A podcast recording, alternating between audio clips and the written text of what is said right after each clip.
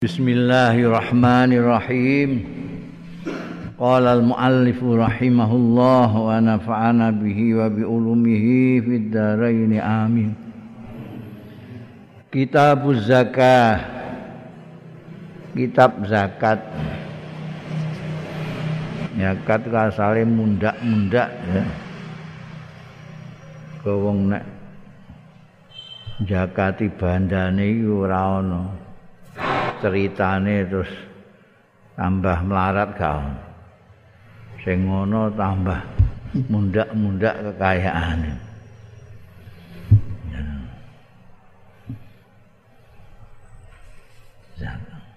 Babu wujub zakati bab wajibe zakat. An Abi Ayyub saking sahabat Abu Ayyub radhiyallahu anhu anna rajulan setuhune wong lanang suwiji kala. Matur ya rajulan lin nabi marang kanjeng nabi sallallahu alaihi wasallam. Mature piye? Akhbirni. Mungkin dawuhi panjenengan ngabari panjenengan ing kula bi amalin tentang amal. Yudkhiluni. Ingkang saged nglebetaken amal ing kula. Al jannata ing swarga.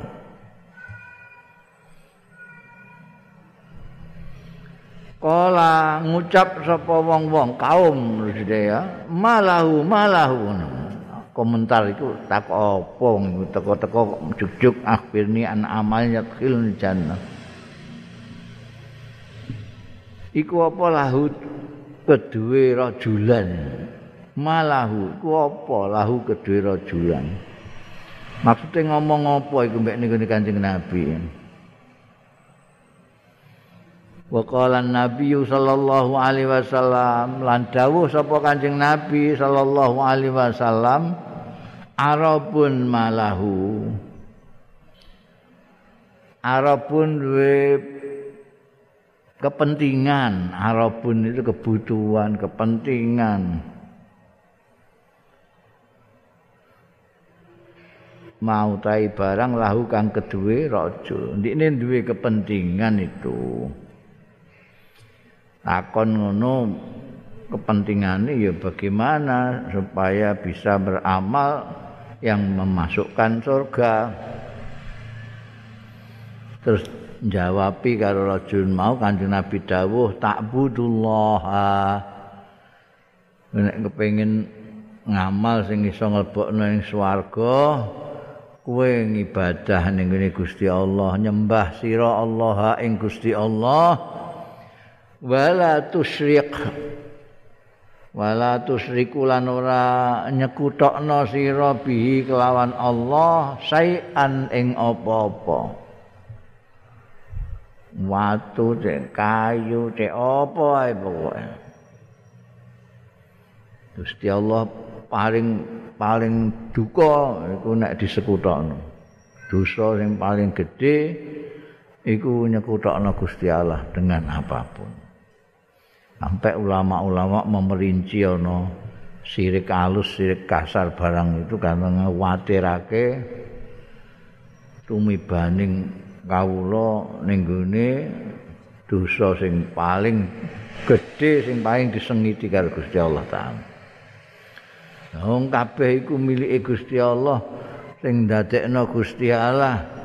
Ora ana sing urun apa-apa blas mbok sembah iku piye?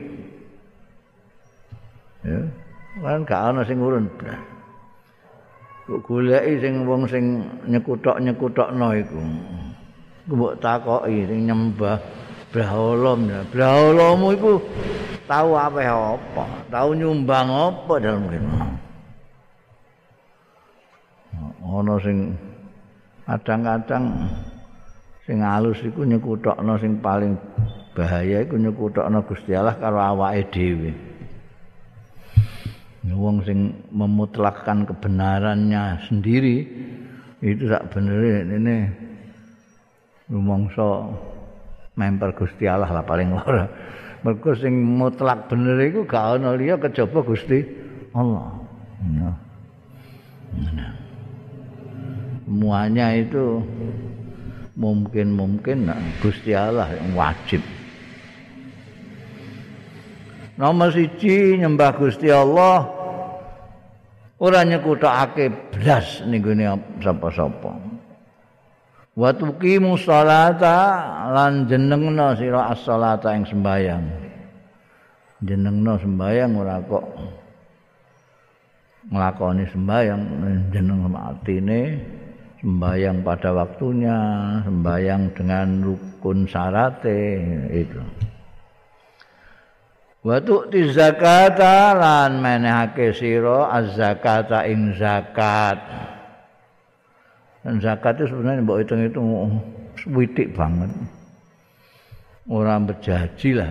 Nek mbok bandingno misale karo komisine maklar sing mau urun abab tok iku. Iku minimal 10 persen zakat mau piro Watasilur rahim lan nepung sana nepung sana artinya ngapii kerabat-kerabat. Sing kemungkinan besar kerabat-kerabat itu tidak ada yang sikapnya baik semua kepada kita itu tidak urusan dia, urusan mereka lah. Urusan kita adalah membaiki mereka. Mutasilur rahim. Jadi jangan sekali-kali kita itu berbuat baik sebagai balasan kebaikan orang. Tapi sebagai kebaikannya Allah. Ahsin kama ahsanallah, bukan ahsin kama ahsanan nas. Ahsin gawe bagus sira kama ahsanan nas. Gusti Allah memberi kebaikan kepada kita. Yang kita minta ndak kita minta Allah berikan kepada kita. Jadi kalau diperintahkan Gusti Allah kon ngapi iha kawulane ya sudah pegang saja itu. Ngapi kerabatmu. Judas terus ini ora urusan Judas iku urusane ndekne karo Gusti Allah ndekne. Nek, nek iso ya dikandhani, nek iso dituturi aja judas-judas ah. Utawa didongakno. Tapi kita tidak boleh lalu memutuskan hubungan dengan kerabat kita sendiri gara-gara Padha karo perintah Gusti Allah birrul walidain. Berbuat baik dengan orang tua. Itu kadang-kadang orang tua itu ana sing jengkelin. ngene salah, ngene salah di mata orang tua itu gregeten. Tidak boleh gregeten. Jadi dulu itu Abdullah bin Ubay bin Salul itu sing junior itu seorang mukmin yang taat. Sahabat dekatnya kanjeng Nabi Muhammad sallallahu alaihi wasallam. Abdullah bin Ubay bin Salul senior itu munafik. Dirasani rono rene mergo jelas sekali kemunafikannya itu sudah masyhur itu sehingga meskipun munafik itu definisinya luar dan dalam. Tidak sama dan tidak semua orang bisa mengetahui dalamnya orang. Tapi karena sering kali isyarat-isyarat dauh-dauh nujuhkan bahwa dia itu munafik. Sehingga sudah terkenal. Sampai ada sahabat sing dan tidak satu yang ingin membunuh. Bunuh saja itu ngaco orang munafik. Dia di sini kumpul ape-ape, jak ngomong sing rahasia engko dibuka ning ngene wong njaba. ini sedelok ning kene sedelok ning wong-wong sing musuhi Kanjeng Nabi Muhammad sallallahu alaihi wasallam setiap ada kepentingan-kepentingan perjuangan nek gak ngendon-ngendoni ya pokoknya ngaco lah. Sampai banyak yang ingin membunuhnya. Itu Abdullah bin Ubay bin Salul junior anaknya itu sampai matur karo Kanjeng Nabi Muhammad sallallahu alaihi wasallam Kanjeng Nabi kula mbok jenengan izini kula mohon sing mateni bapak kula. Dadi mangke urusane pun selesai. Nek sing mateni mangke rencang-rencang niku nangke wonten rasa dendam kula kalih rencang-rencang niku. Engko napa bagaimanapun juga niku bapak kula nek dipateni tiyang nggih kula mboten trima. Kula masih mate. Iku dipenggak kanjeng. Lho lho kok maten-mateni iki piye?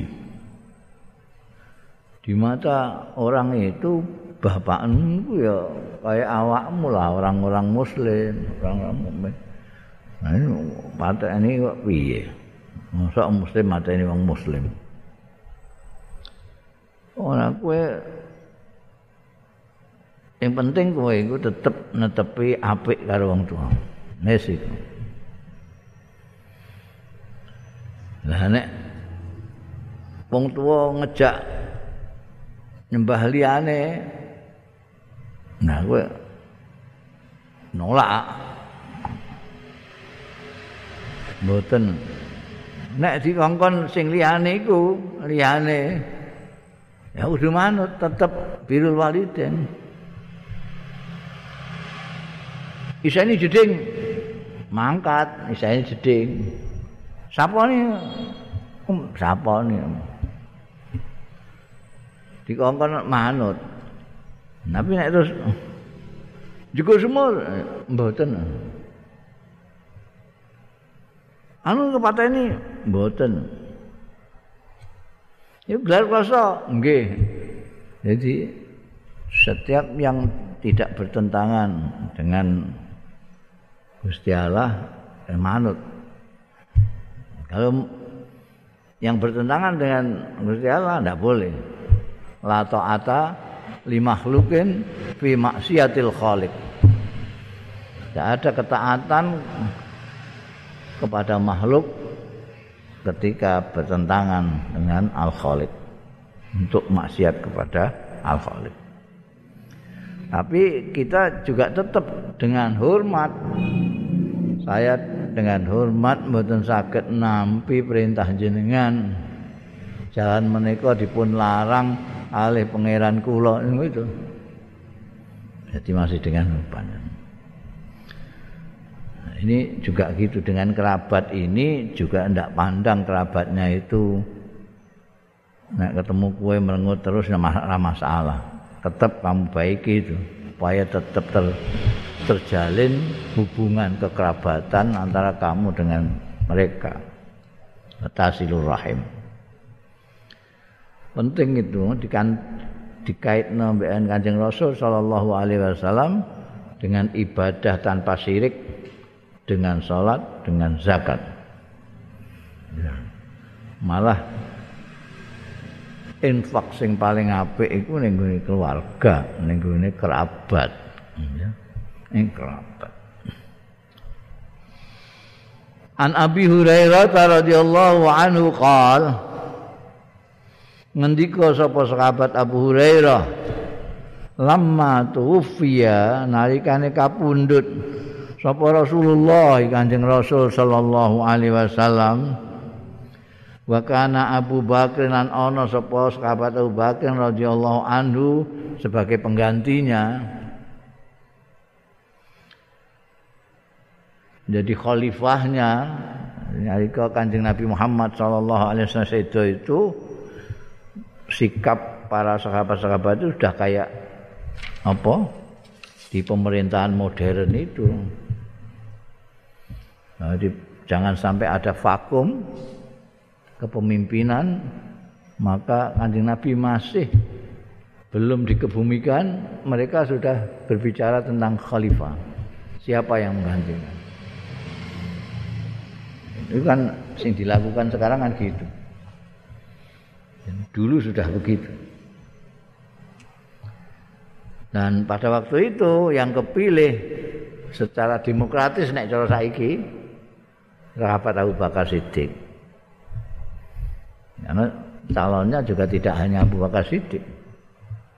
Menyalonkan orang Ansar, sahabat Umar menyalonkan Abu Bakar, Abu Bakar menyalonkan sahabat Umar. Tapi akhirnya yang dipilih oleh semua pihak ini Abu Bakar. Wa kafara man kafara minal Arab. Minal Arab Arab banyak yang kufur ketika Kanjeng Rasul wafat. Wa kafaran kufur. Sapa man wong kafara kang kufur ya man minal Arab bisange wong Arab. Mereka yang kufur itu yang tidak mau apa namanya memberikan zakat itu saja diperangi sama sekabat Abu Bakar, sekabat Abu Bakar. Ini ini sudah keluar daripada Islam.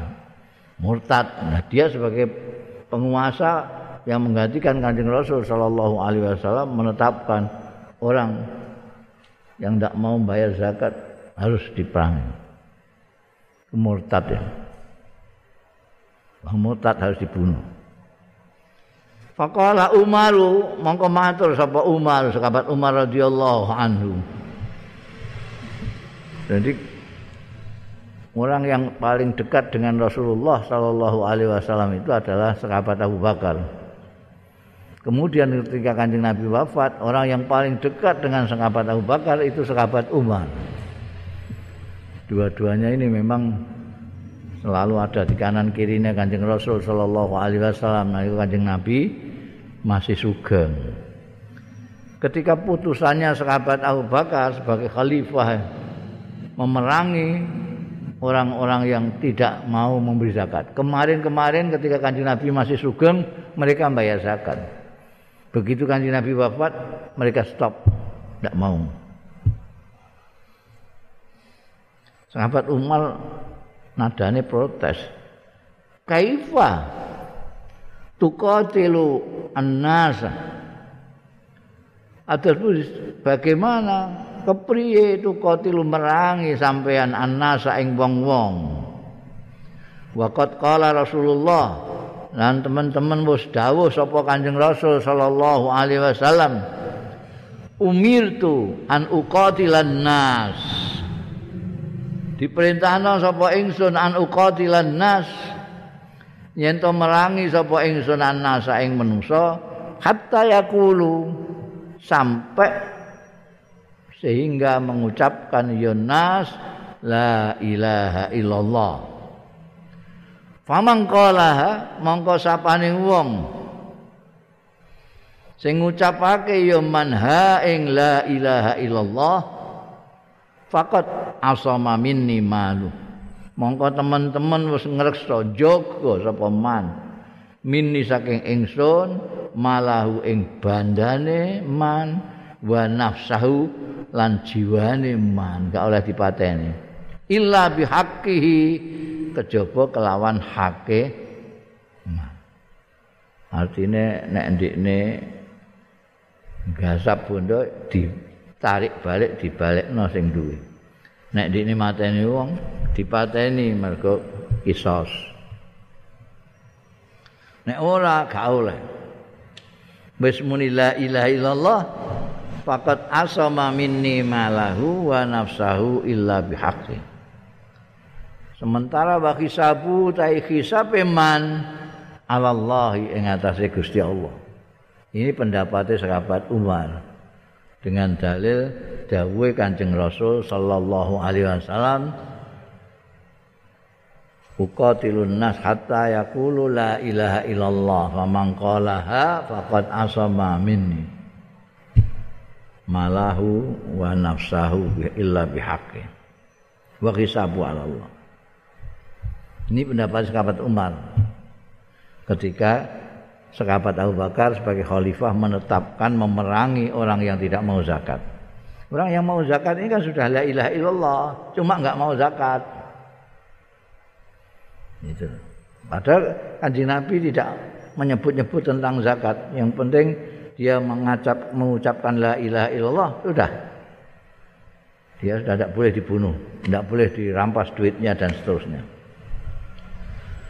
Ketika Sayyidina Umar mengemukakan pendapatnya itu, fakol, mongko ngendika sapa sahabat Abu Bakar, wallahi demi Allah la uqatilanna yakti arep merangi temenan sapa ingsun maning wong farraka kang bedakno ya man baina sholati wa zakat. Antarane salat lan zakat. Fa inna zakata mangko zakat iku hakul mal. Hake bondo. Wallahi lau mana'uni anakan demi Allah lamun ora gelem lumuh. Ndak mau bayar ing ingsun anakon ing cempe. Kanu yu'adduna kanu kang biyen ana ya wong-wong nas. Ana iku yu adunaha menehake ya wong-wong ha ing anak ila Rasulillah marang Kanjeng Rasul sallallahu alaihi wasallam laqatal tuhum yakti merangi sapa ingsun ing wong-wong mau.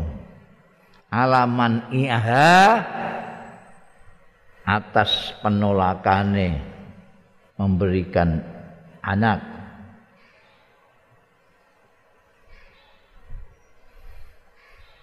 Qala Umar Ndika sapa Sayyidina Umar radhiyallahu anhu fa'araftu annahu al-haq. Mongko sadar ngerti sapa ingsun ana ustune Abu Bakar iku al-haq sing bener. Ngono iku ya.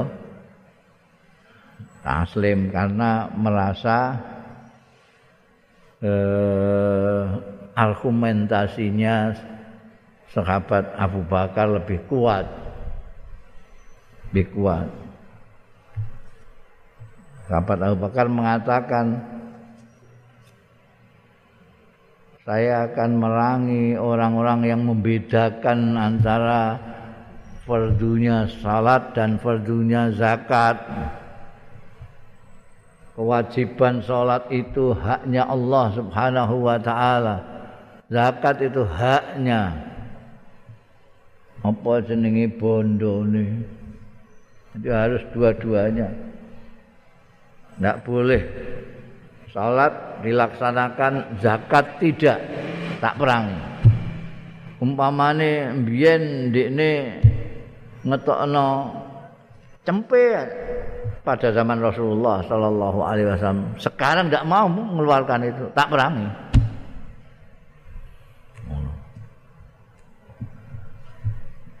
Biyen itu tidak hanya ini saja persoalan banyak sekali. Apa namanya? Di mana para tokoh-tokoh itu berbeda pendapat. Tapi itu tidak masalah. Tidak masalah. Nanti akan belakangan-belakangan akan terjadi juga yang semacam itu. Atau dengan yang lain mungkin tidak sama pendapatnya. Maka kemudian kita mengenal adanya mazhab-mazhab termasuk yang otoritanya terakui itu mazhab empat itu. Karena memang sudut pandangnya beda-beda. Nah, karena Sayyidina Abu Bakar ini penguasa maka pendapatnya akan menjadi penting dan itu akan menjadi kekuatan daripada pendapatnya dan tidak satu dua masalah sahabat Abu Bakar dengan sahabat Umar itu berbeda.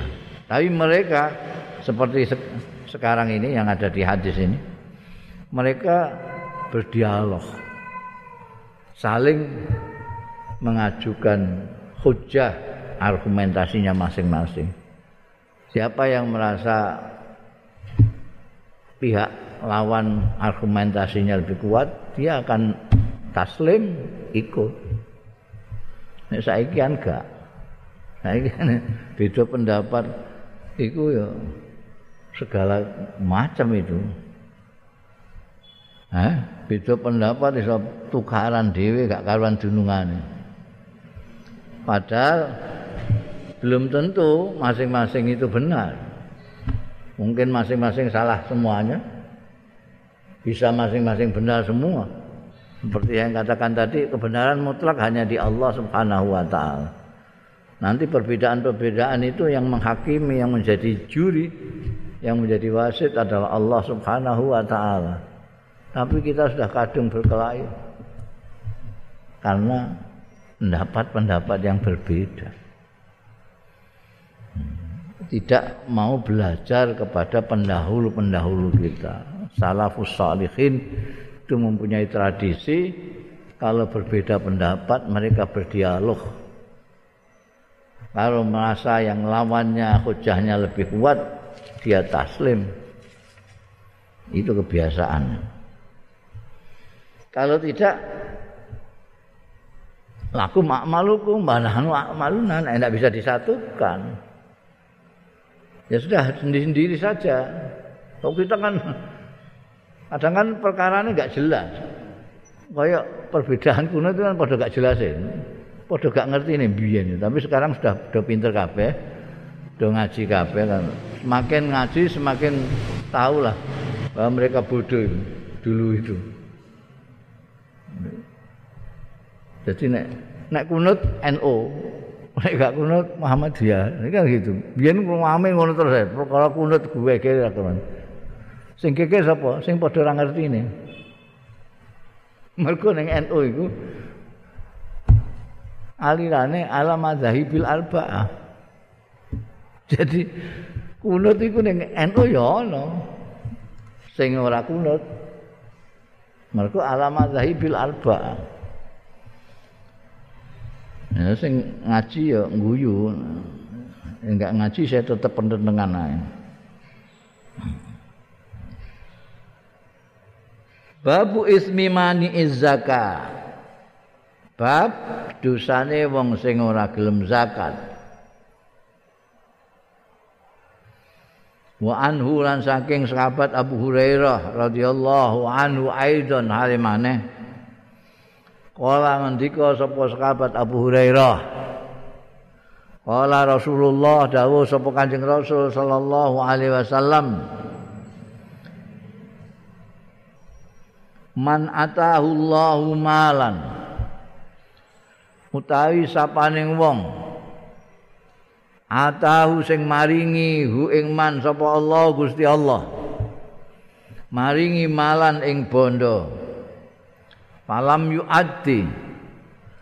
Mongko ora nekake ya man zakat tahu ing zakate mal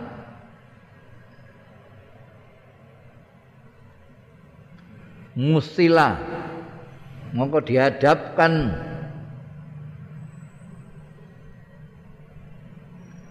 Sapa man lahu marang Gusti Allah yaumal kiamat ana ing dalem dina kiamat? Sujaan. Sebagai ular kobra. Hmm. ular kobra. Akra akra itu kepalanya itu gundul menandakan bahwa racunnya itu buahnya racunnya berbahaya sekali. Lahu iku kedue suja zabibatani siung loro.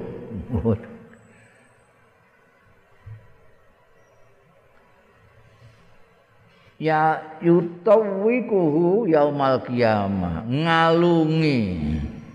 Ya sujak mau hu ing man yaumal qiyamah.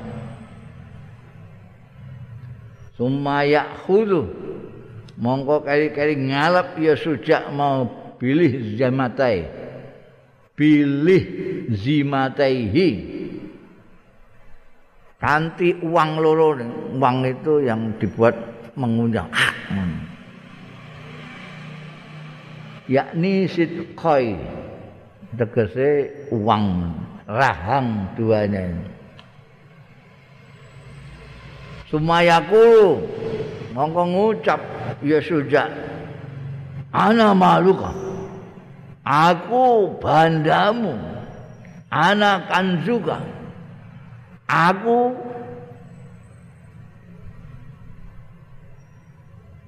gudangmu aku brangkasmu. Saya digo ninggahno dhuwit brangkas.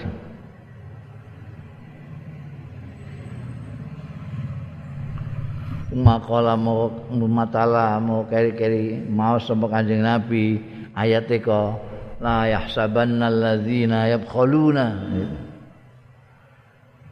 mengira mereka akan selamat nambah kaya tidak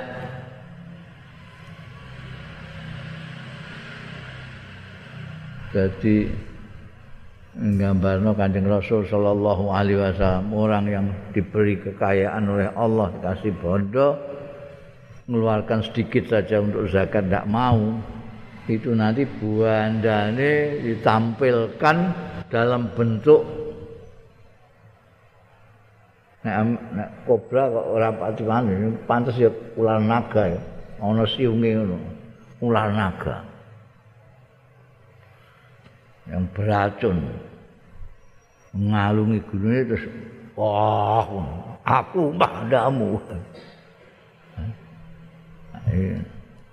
Wembien ora gelem ngetokno aku saiki aku metu. Ngremus kowe. Dene wong. Babu infakil mal fi haqqih. Bab nginfakake bondo fi haqqih ing dalam hakim mal Jadi kita punya harta itu ada yang menjadi haknya Allah atau menjadi haknya sesama hamba yang fakir. Itu yang makanya orang-orang yang berpunya itu minta haknya orang fakir ini dikembalikan kepada mereka. Itu yang namanya infak atau zakat.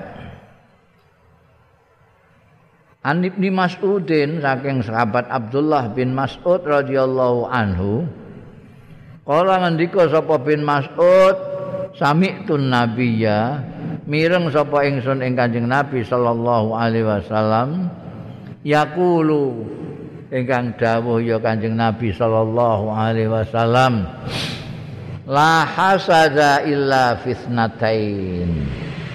Ora ana iri ku maujud illa fitnatain kejaba ing dalem dua hal.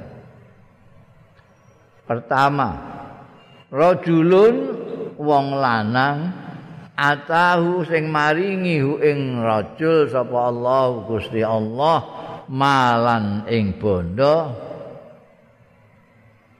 fasallatahu mongko menguasai ya rajul ing mal ala hal kati ing atase entek imal fil haqqi ing dalam kebenaran.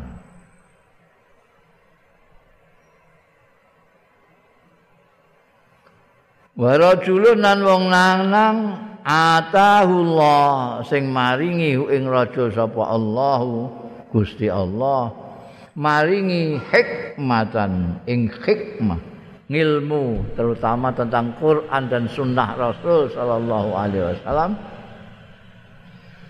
Fahuwa mongko utai rajul iku yaqdi biha. Ngentekake biha kelawan hikmah mau. Mutusi biha kelawan hikmah mau wa yu'allimu halan mulangake sapa rajul ha ing hikmah. Ya. Hikmah diberikan kepada orang. Jadi ada dua yang kita perlu iri yang pantas diireni. Itu orang punya duit banyak dihabiskan untuk kebenaran, untuk zakat, untuk menolong fakir miskin, menolong orang-orang yang keserakat dan seterusnya untuk membelani kebenaran, untuk nyokong perjuangan dan seterusnya itu pantas lah Maria wong kok ana sing ngono? Duwe semono kentek kanggo berjuang kanggo menetapi apa-apa yang diperintahkan Allah berkaitan dengan harta.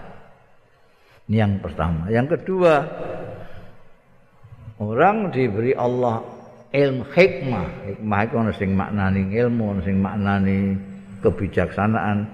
Tapi yang banyak memaknainya dengan Al-Quran dan Sunnah. Karena ilmu Islam itu yaitu ilmu Islam kan itu. Ilmu tentang Al-Quran dan ilmu tentang Sunnah Rasul Sallallahu Alaihi Wasallam. Mengerti dan dia memutuskan apa saja berdasarkan hikmah itu. Berdasarkan Al-Quran berdasarkan Sunnah. Di samping mengamalkan hikmah itu Mulanya terus ada istilah orang mencari ilmu itu ada dua yang benar itu yaitu pertama diamalkan untuk memutuskan yang benar itu benar, yang salah itu salah sesuai dengan apa yang terdapat dalam Al-Qur'an dan sunnah Rasul sallallahu alaihi wasallam. Kedua diajarkan. Diajarkan. itu kedua-duanya dengan kata lain ilmu Al-Quran ataupun Sunnah itu tidak hanya disebarluaskan dengan taklim mengajarkannya tapi terlebih dahulu untuk diamalkan sendiri. Kalau kita memutuskan apa-apa ya lewat itulah. Kadang-kadang kita sekarang tidak dipisahkan antara ilmu dan amal, ilmu dan fungsinya ilmu. Dia ngerti Al-Quran, ngerti sunnah Rasul Sallallahu Alaihi Wasallam, tapi tidak berpedoman kepada Al-Quran dan sunnah Al-Rasul berpedoman dengan lainnya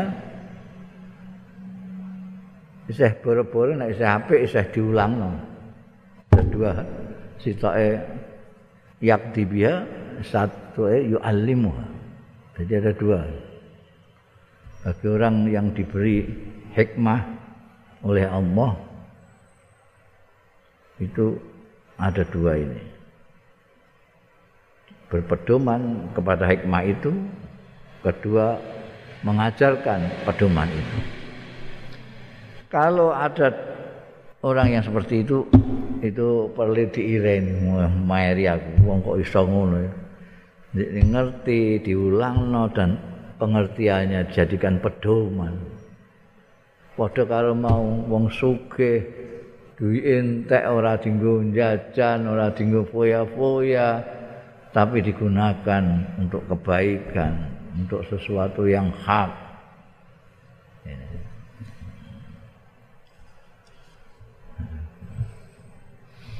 Babu sedekati jadi neng kene itu hasad yang yang apa namanya dalam pengertian positif kita sendiri ngiri itu juga ada yang berpengertian positif ada yang negatif. Umumnya digunakan untuk negatif. Ono kancamu seneng terus kowe gak seneng. Itu namanya iri namanya hasud tidak baik. Tapi ada yang positif ngiri itu. Kepingin sekali saya seperti itu ngiri saya. Kok dia ada orang yang begitu kaya tapi uangnya dihabiskan untuk kepentingan-kepentingan kebaikan kebenaran. Saya pengen jadi orang miri aku. Nek ndelok wong pinter ahli hikmah bukan hanya diajarkan tapi dijadikan pedoman. Itu ngiri dalam pengertian asut dalam pengertian ingin seperti itu. Ya Babu sadaqati min kasbi miskas bin tayyibin. Bab sedekah mingkas bin saking apa jenenge nyambut gawe tayyibin sing bagus. An Abi Hurairah radhiyallahu anhu saking sahabat Abi Hurairah radhiyallahu anhu kala ngendika sapa sahabat Abu Hurairah Qala Rasulullah dawuh sapa Kanjeng Rasul sallallahu alaihi wasallam man tasaddaqa sapane wong sing sedekah ya man bi adri tamratin lawan senilai satu buah kurma. Mesti sama tak buah kurma. Mingkas bin tayyibin saking pengupo jiwa sing bagus Mengko bekerja itu pengupas dhewe ana sing bagus ana sing ora. Sing ora ya nyopet barang iku. Korupsi barang itu. Kasbi tayyib itu ya, nyambut gawe, becak, bakul ning pasar, uli itu. Kasbi tayyib kabeh iku. Wala yakbalullah illa tayyib. Iki jumlah itiradiyah ya. Gusti Allah itu tayyib, jadi tidak menerima illat tayyib. Layak balullah ora nampa sapa Allah illat tayyib kejaba sing bagus. Percuma kowe pirang-pirang sing mbok sedekahno tapi hasil korupsian. Itu namanya penyucian, penyucian. Wa inna Allah yataqabbaluha biyamini. Gusti Allah taala nampa tamrah mau sedekah sing hanya senilai tamrah mau diterima biaminihi dengan tangan terbuka. Tangan terbuka coba gambar tangan. Kamu saya terima dengan tangan terbuka. Ini maksudnya dengan senang hati ya.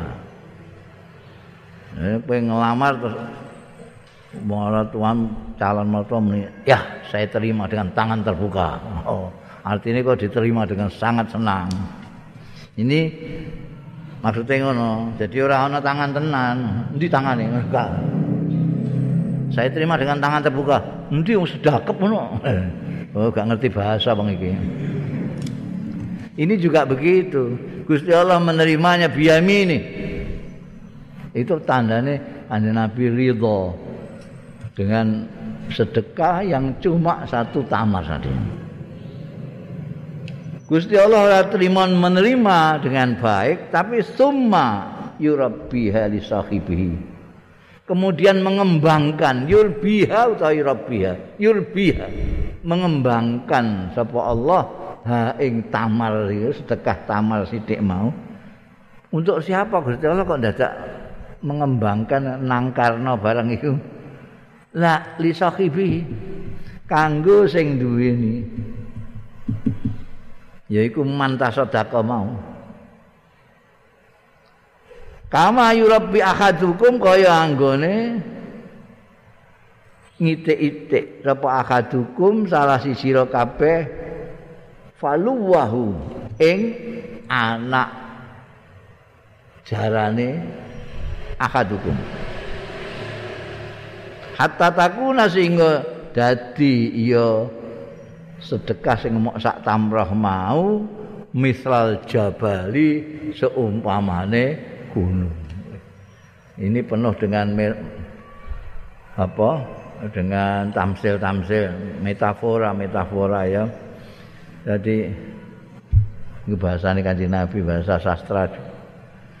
Allah menerima dengan senang hati dan akan mengembangkan sedekah yang sak biji kurma tadi. Dirumati supaya berkembang. Kayak kue ngrumati ngitik-itik anak jalan. Ora wong Arab tok ya angger wong duwe jaran cilik wah tuke ngopeni luar biasa. Malah kadang-kadang anaknya kalah. Eh? anaknya kalah. Udah karo kowe duwe sepeda motor anyar. Disa isik disa isik. Kadang-kadang bojone ora disa isik sepeda motor ya disa isik. Iku tamsil orang terutama orang Arab dengan kuda suka sekali kalau kucil itu wah. Mi, apa kasih makanan dijamuni segala macam digosok supaya nanti besarnya itu menjadi ini juga tamu kalau kamu sedekah sekecil ini tamar ini itu diterima oleh Allah dan akan dirumat dikembangkan. Seperti kamu ngopeni anak kuda sampai membesar sampai membesar sampai membesar. Naik kuda terbatas sampai kuda itu gede kuda. Iki yo gak naik tamar iki bisa sampai sak gunung. Di rumah hati nek perlu disirami disirami nek perlu di obati diobati. Itu sampai sebesar gunung. Hatta takuna misal jabal. Ini tamsil tentang betapa sedekah itu mempunyai pahala yang besar, yang berlipat-lipat. Tapi nek mbok pikir secara rasio, rasional ya, itu ya memang kalau kebaikan itu yang diperintahkan oleh Allah Subhanahu wa taala. Kalau yang membalas itu Allah taala, tidak mungkin kecil. Sepadan dengan pemberianmu itu ya tidak mungkin, sudah jam akal tidak bisa terima. We nguai wong sebesar satu kurma terus Gusti Allah hanya memberi sama dengan itu atau taruhlah 10 kali itu itu masih nggak masuk akal 900 kali 700 kali masih nggak nggak cocok kenapa? Kan nabi apa kita itu memberi itu sesuai dengan eh, kemampuan kita kecil kita sehingga sak besar-besarnya kita itu tentu akan tetap kecil pemberian kita dibanding Allah Ta'ala yang begitu besar, yang akbar. Masalahnya kita itu tidak bisa membayangkan Gusti Allah Ta'ala itu sebesar apa. Karena terlalu besar untuk kita bayangkan. Tapi kebesarannya itu membuat kita berpikir bahwa tidak mungkin sebesar itu yang senang membalas membalas hanya sebesar bayangan kita. Tidak mungkin. Kita yang salah kita selalu membayangkan Allah itu seperti kita. Kemarin sudah saya katakan tentang kasih sayang itu seratus yang satu untuk kasih sayang semua makhluk di dunia kasih sayangnya suami dengan istri istri dengan suami kasih sayangnya mbok dengan anak kasih sayangnya bapak dengan anak sampai kasih sayangnya induk kuda dengan anak kuda itu cuma satu dan Allah 99 itu baru mengkek-mengkek banding itu gitu. Saya selalu saya sering selalu mengatakan karena supaya untuk memberi pengertian bahwa kita itu kecil, jangan sombong sekali. Kita itu kalau di peta alam semesta, tempat tinggal kita itu tidak ada sebutir debu aja tidak ada. Jelas peta alam semesta ini. Kumpulkan semua ini Plato, ini Saturnus, ini Mars, ini Jupiter, ini matahari terus itu lihat itu kecil sekali lembut sekali dan kita sekitar tujuh setengah miliar tinggal di sebutir debu itu. Jelas. Nah, kalau kita kasihkan bondo kita semua, ya masih kecil sekali. Makanya kalau orang mengerti bahwa orang itu akan dimasukkan surga terus dibandingkan amalnya. Ini guyok wong, amalmu itu apa? Paling lama amalmu itu 100 tahun sembahyang. 100 tahun. Bintang yang kamu lihat sekarang ini, di, lo yang kelihatan bintang di langit itu, itu bintang 8 tahun yang lalu. Saking adoe dengan kita, baru sampai ke mata kita. Setelah perjalanan 8 tahun. Itu yang paling ndek-ndek ini. Saya selalu ingin mengatakan bahwa kita itu kecil. Tapi nek kene gak tahu ndelok peta alam semesta, kita tetap gak bisa bayangno cilik kita. Kalau kita tidak bisa membayangkan kecil kita, Bagaimana kita membayangkan besarnya Allah? Isane muni Allahu Akbar Allahu Akbar kosong. Tanpa pengertian akbarnya seberapa. Mulane delok bolak-balik tak bolak-balik tak anjurkan lihat peta dunia. Bagaimana caranya? Sekarang fasilitas banyak sekali. Buka YouTube. Ojo buka YouTube mau lagu dangdutan. Buka YouTube pakai kunci art. Bumi. Klik.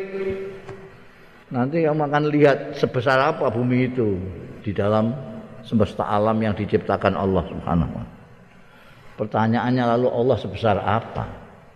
Kalau semesta segini. Ya. Ya. babu sedekah qabla wallahu alam